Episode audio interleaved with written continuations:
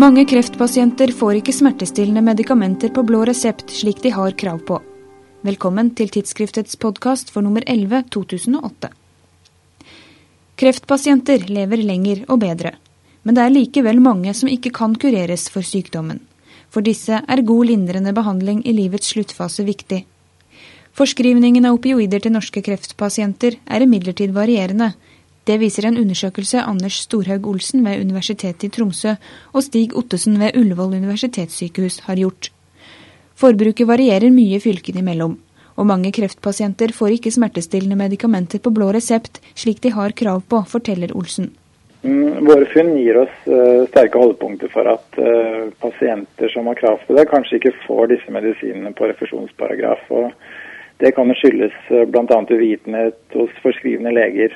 Eh, I forbindelse med den nye blåreseptordningen som kom nå i mars, så skrev Statens legemiddelverk at den gamle ordningen var eh, komplisert for leger og vanskelig å finne fram i. Og de viste, viste også til eksempler på at eh, de var uvitende om spesielle ting. da. Vår studie viser vel nå spesifikt at dette kan gjelde også for kreftpasienter.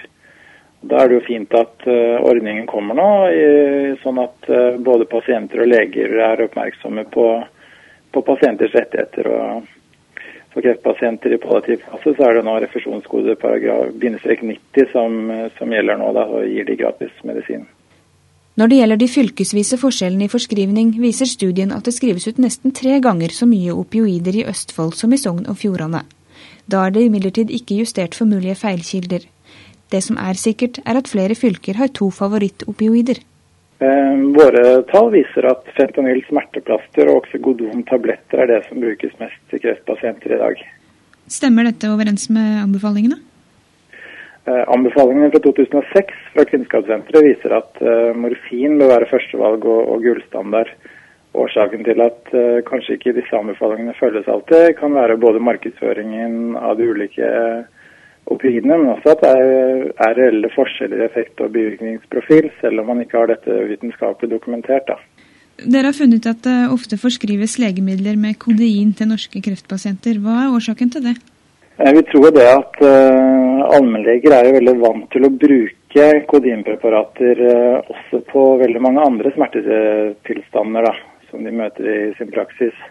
Og Da tror jeg at det er nærliggende at vi også bruker dette til, eh, til kreftsmerter da, og kreftpasienter. Selv om det, ikke, at det ofte ikke strekker til. da.